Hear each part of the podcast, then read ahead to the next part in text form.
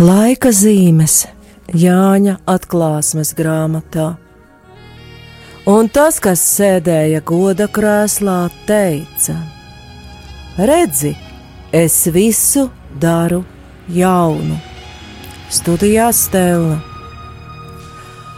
Pagājušā raidījumā mēs redzējām, kā cilvēka dēls sūta ražas eņģeļus, novākt zemes ražu, un sapratām gan, kas ir cilvēka dēls un kādu ražu novāc šie ražas eņģeļi.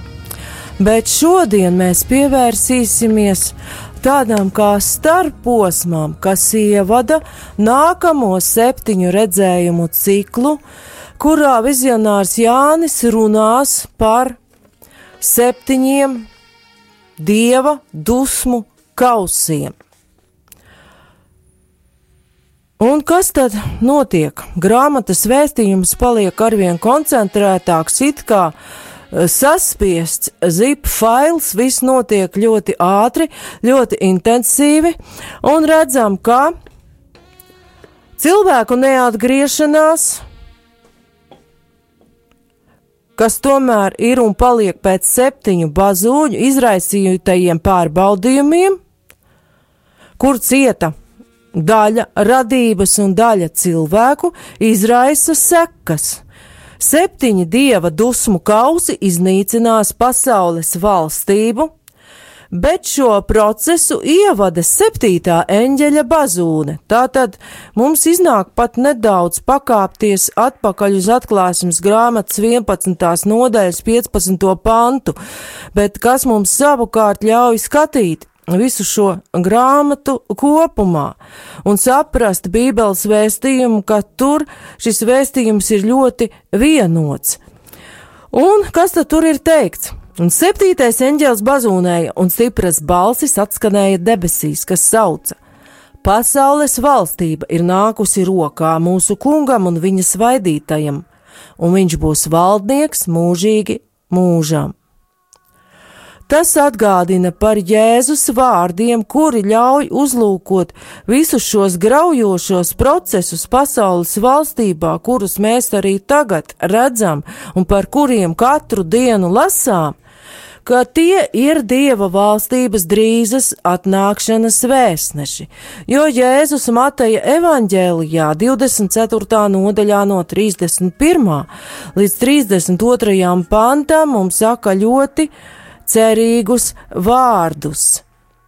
Un viņš izsūtīs savus eņģeļus ar lielu bazūnes skaņu, un tie sakrās viņa izradzētos no četriem vēģiem, no viena debesu gala līdz otram.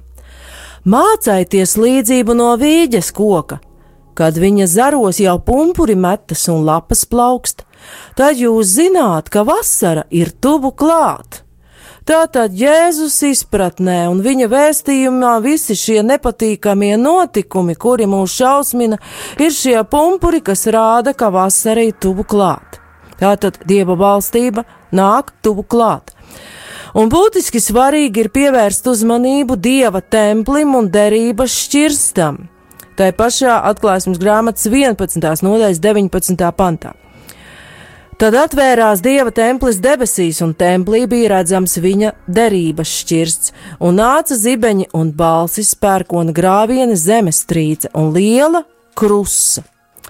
Templis un šķirsts kļūst redzami, tie nav vairs apslēpti. Un poļu ekseģēts Ostaņskis norāda, uz vecajā derībā aprakstīto derības šķirsta apslēpšanu un šķirsta nākamās atklāšanās laiku, par ko ir vēstīts Jeremijas grāmatā. Un lasām, kad Jeremija to uzzināja, viņš pārmeta tiem teikdams, lai šī vieta paliek nezināma līdz laikam, kad Dievs sauks kopā savu tautu un apžēlosies par to. Tād kungs to parādīs, un viņa godība kļūs redzama mākonī, kā viņš reiz mūzumu atklājās, un notiks, kā ir gribējis Salamans, lai šī vieta ir pilna svētības. Un vecās derības dieva tautai šķirsts ir redzamās dieva klātbūtnes zīme. Un iepriekšējais teksts, kur gan atsauc uz Jeremiju, ir tas izrādās ir 2. makabiešu grāmatā, 2. nodaļa, 7. un 8. pants. Un redzam, ka paralēli atklāsums grāmatā 11. nodaļā, 19. pantā minētās izpausmes - zibeņi un balsis pērkona grāviena, zemestrīce un liela krusta liecina par dieva klātbūtni, kā Sinaja kalnā vecajā derībā izceļošanas 19, 18 līdz 19. Un viss Sinai kalns kūpēja, jo tas kungs nonāca uz to ugunī, un tā dūmi cēlās augšup, itin kā cepļa dūmi. Un viss kalns ļoti trīcēja, un bazūnes skaņa pieņēmās spēkā, un Mozus runāja, un dievs tam atbildēja pērkonā. Jaunajā derībā šīs dieva godības klātbūtnes izpausmes ir klātesošas Kristus, šķietamas pilnīgas sakāves brīdī, viņa nāves brīdī. Bet Jēzus atkal iekļiedzās stiprā balsī un izlaida savu garu, un redzi, tempļa priekškars pārplīsa no augšas līdz apakšai divos gabalos, un zeme trīcēja un klintis šķēlās. Par to mēs varam lasīt Mateja evaņģēlīja 27. nodaļā, 50. un 51. pantā, un arī Lūkas evaņģēlijā 23. nodaļa, 44. un 45. pants. Tātad šis evaņģēlīja notikums atklāja derības šķirsta atklāšanos jaunajā derībā, kad Jēzus uzceļ savas miesas templi mūsu vidū, par ko mēs varam lasīt Jāņa evaņģēlīja prologā.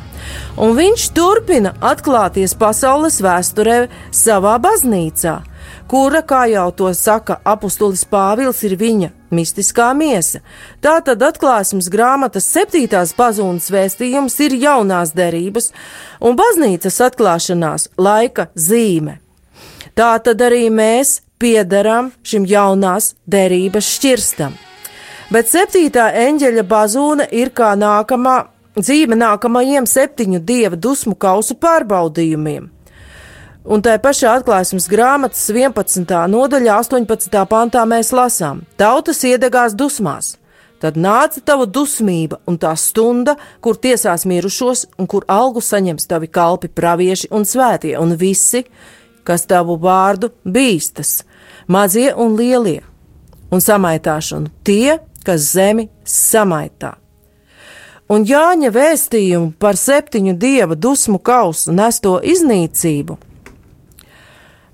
ievada ļoti īsā 15. nodaļa, 8 panti tikai, ar īsu debesu godības aprakstu un paradoxālu apgalvojumu. Atklāsmes grāmatā 15.1 Jānis saka, Tad es redzēju citu lielu, brīnišķīgu zīmi debesīs, septiņus eņģeļus, kam bija septiņas pēdējās mocības, jo ar tām piepildījās dieva dusmas. Šķiet pārsteidzoši, sieva saules tērpā 12. nodaļā, kurā, kā jau iepriekš mēs noskaidrojam, redzam gan pestītāja māti, gan baznīcu, Jānis sauc vienkārši par lielu zīmi bet eņģeļus ar dusmu kausiem, kas pasaules valstībai sola lielas mokas un bojā eju, tur bojā ies cilvēki, iznīks visa daba, vizionārs sauc par brīnišķīgu zīmi, kaut gan tā vēstīja par mocībām. Taču tā vēstīja arī par dieva taisnības pilnīgu piepildījumu, mēs redzam, ka dieva dusmas ir piepildītas, visa taisnība ir notikusi, redzam, ka tās būs pēdējās un vēstīs par uh, ļaunā gara galīgu sakāvi un galīgu dieva uzvaru. Jo kungs jau nepametīs visu haosā un nekārtībā, viņš visu darīs jaunu.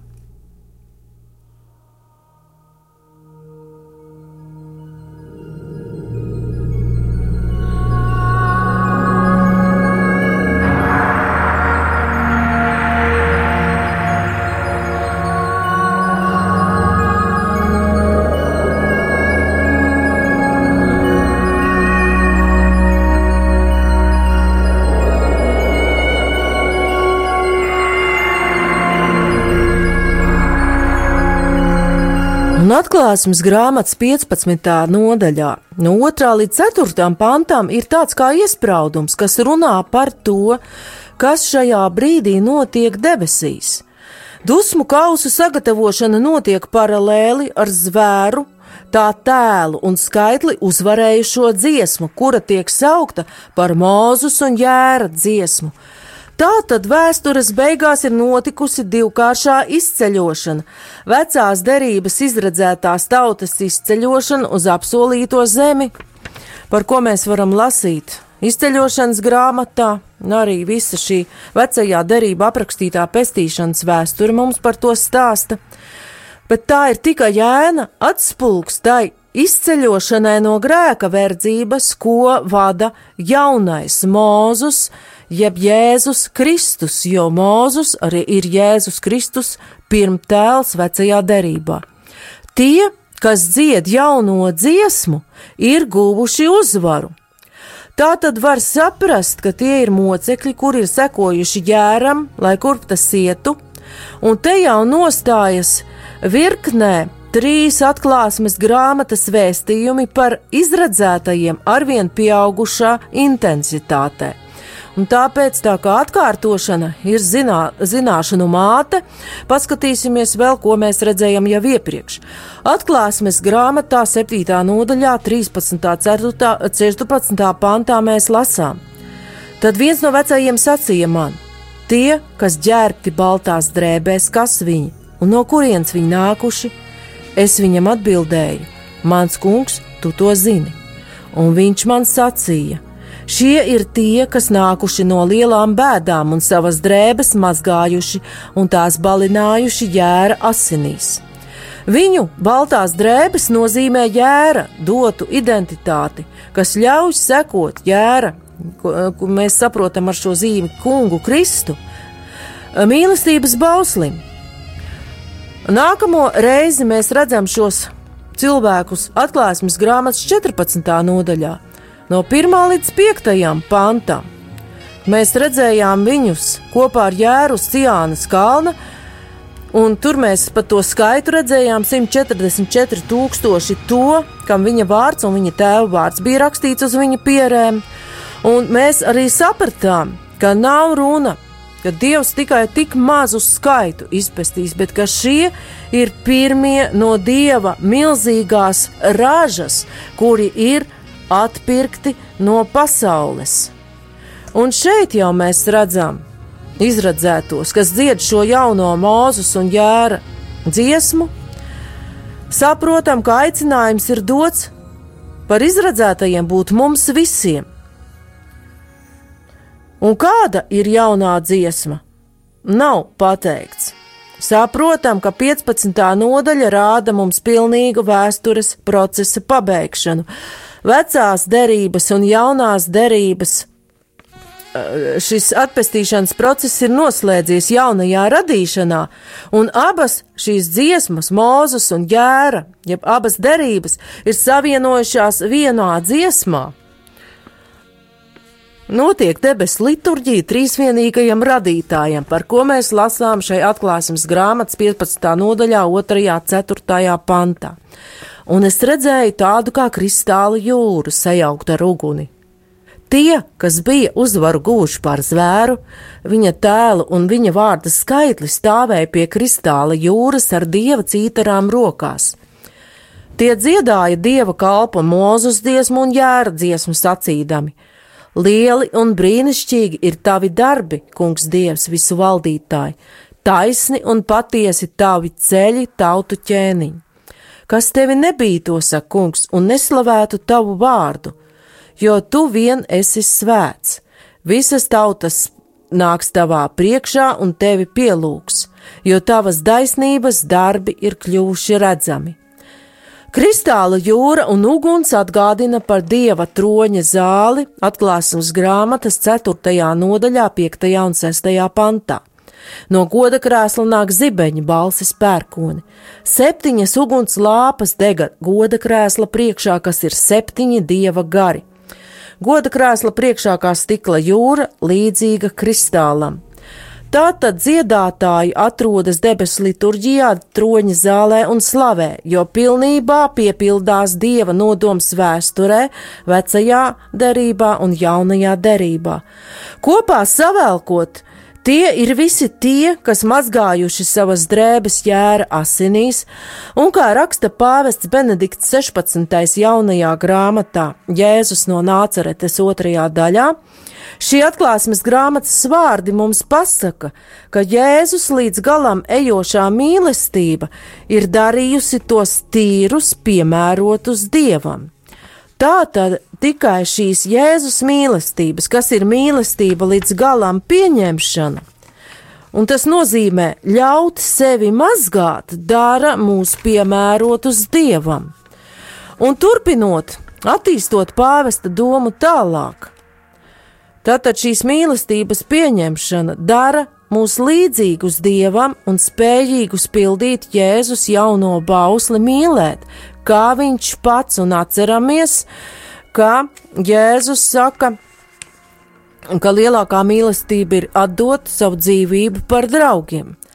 Līdz ar to šāda piederība dievam jau kļūst citiem redzama, tā atstāja zīmogu, pirmkārt jau nospiedumu sirdī, bet šis zīmoks ir arī uz āru redzams, jo nosaka, kā cilvēks domā un rīkojas un runā.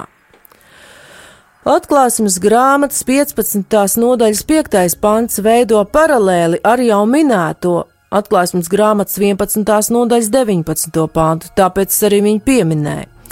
Pēc tam es redzēju, debesīs atvērās templis liecības telts un septiņu eņģeļu apraksts liecina par viņu priesterisko sultību, jo šie eņģeļi ir ģērbti kā vecās derības augstie priesteri.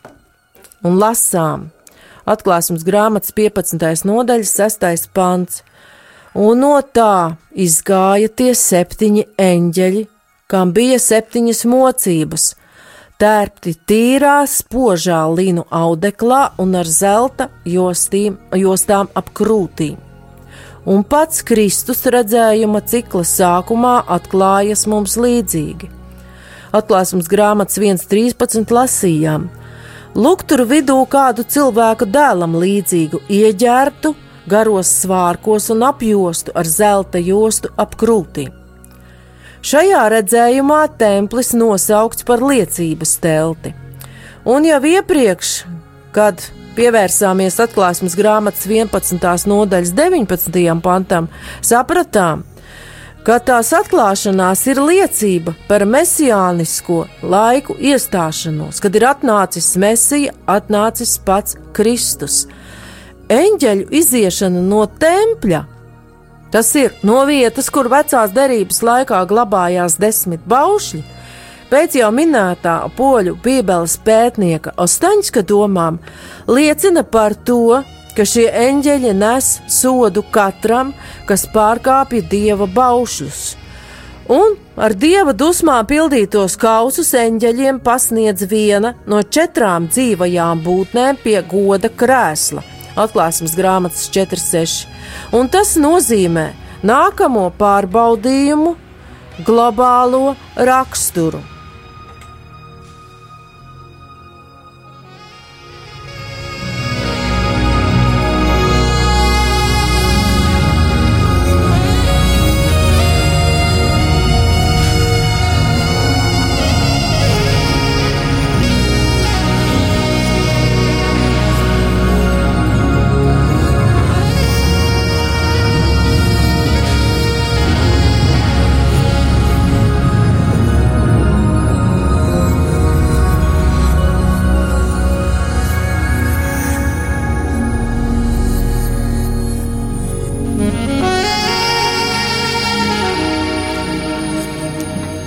Pēdējo septiņu mocību apraksts atgādina septiņu bazūņu ciklā aprakstītos pārbaudījumus, tikai šajā gadījumā ciešanas ir daudz spēcīgākas, tās ir visaptverošas, un pasaules valstība tiek pilnīgi iznīcināta.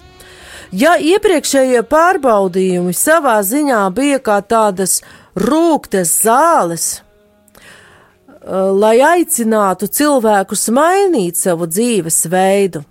Tad tas bija kaut kas audzinošs, tā bija dieva pedagoģija, lai kaut kā uzrunātu cilvēku, lai viņš saprastu savas rīcības sekas. Tad septiņi dievu dusmu kausi jau nozīmē atbilstošo sodu un tuvina galīgā sprieduma dienu. Līdzīgi kā septiņu bazūņu ciklā aprakstītajiem pārbaudījumiem, pirmie četri dusmu kausi skar radīto pasauli - zemi, jūras, upes un sauli. To mēs lasīsim atklāsmes grāmatas 16. nodaļas 2.8. pantā. Bet samaitāta vairs netiek tikai trešā daļa, kā atklāsmes grāmatas 8. nodaļa 17. 12. pantā lasījām, bet visa radītā pasaule kļūst cilvēka eksistencei nederīga. Un pētnieks Leplis saskata dusmu kausu izraisīto mocību apraksta līdzību ar Eģiptes mocībām izceļošanas grāmatā, līdzīgi kā ar bazūnēm, un viņš norāda uz grēka seku atklāšanos. Grēka spitālība kā augoņi skar arī miesu un viss cilvēks. Tātad viņš jau pievēršas tur tālākajām mocībām, un miesa un dvēsele, visa cilvēka daba tiek ierauta katastrofā. Un runājot par bazūnēm, jau redzējām, ka baznīcas tēvi mocībā ar ūdens pārvēršanos asinīs saskatīja cilvēku miesas gudrību, kas garīgi nonāvē cilvēkus.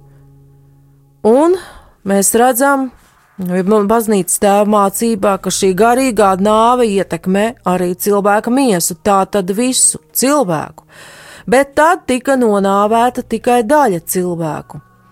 Dusmu kausi jau nozīmē pilnīgu miesas prāta pārņemtu cilvēku iznīcināšanu, bet te atkal nevaram teikt, ka Dievs ir nežēlīgs un pie visa vainīgs un adresēt pārmetumus Dievam. Kungs ir devis vecās derības likumus. Vecajā derībā tiem vairāk bija audzinošs raksturs, jeb cilvēks izredzētā tauta vēl bija kā mazs bērns, kas ir ielikt šajā likumu sētiņā un pakļaujas pieaugušajam, un ir dots jaunais likums, kas ir ierakstīts sirdī un ir koncentrēts Jēzus īsajā pavēlē mīliet citu, kā es jums esmu mīlējis. Tātad likumi mums ir doti, ceļa zīmes ir dotas.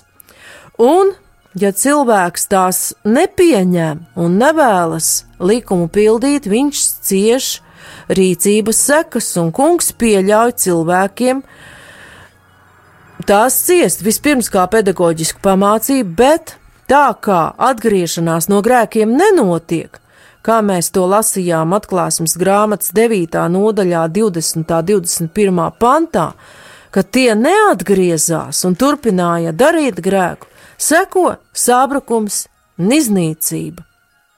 Dažādu civilizāciju beigu fāzē mēs redzam, ka visa dzīves telpa jau tiek desakralizēta, ja padarīta nesvēta. Dievišķais tiek padzīts no visām dzīves sfērām, un notiek tas, par ko jau esam runājuši iepriekšējās raidījumos, un par ko raksta svētais apustulis Pāvils. Tad nu tāpat, kā viņi nav turējuši cieņā viņiem doto dieva atziņu, Dievs sagandējis viņu prātu, ka viņa, viņi dara to, kas neklājas. Vēstule romiešiem 1,28. Un, lai gan Pāvils raksta, ka Dievs sagandējis viņu prātu, paskatoties Pāvila vēstules kontekstu, mēs redzam, ka viņa domu, ka Dievs norāda uz to, ka cilvēks ir tik ārkārtīgi pieķēries grēkam, ka viņš pat negrib vairs no tā tikt ārā. Un šobrīd mēs redzam, ka veidojas tieši šādi apstākļi, kas liecina par bojā ejošu, kādreiz kristīgās Eiropas civilizāciju, kas ir atkritusi no kunga likuma un kuru iznīcina ērtību un patērētāju kulta dievības, un gaišākie prāti mūs jau brīdina par šīs civilizācijas skrējienu pretī iznīcībai. bet vai klausāmies un vai uzklausīsim baznīcas balsi, kura arī paralēli ar šīs desakralizētās vides un civilizācijas attīstību arī aug. Jo mēs redzam, ka ir daudzas valstis, kur pieaug gan priesteru skaits, gan kristiešu skaits, ka arī redzam, ko saka pāvests un uz ko viņš aicina. Un varam secināt, ka pagaidām vēl izvēle ir mums pievērsties dievam vai novērsties no viņa. Bet nākamajā raidījumā jau runāsim tieši par septiņiem dieva dusmu kausiem. Studijā bija Stela.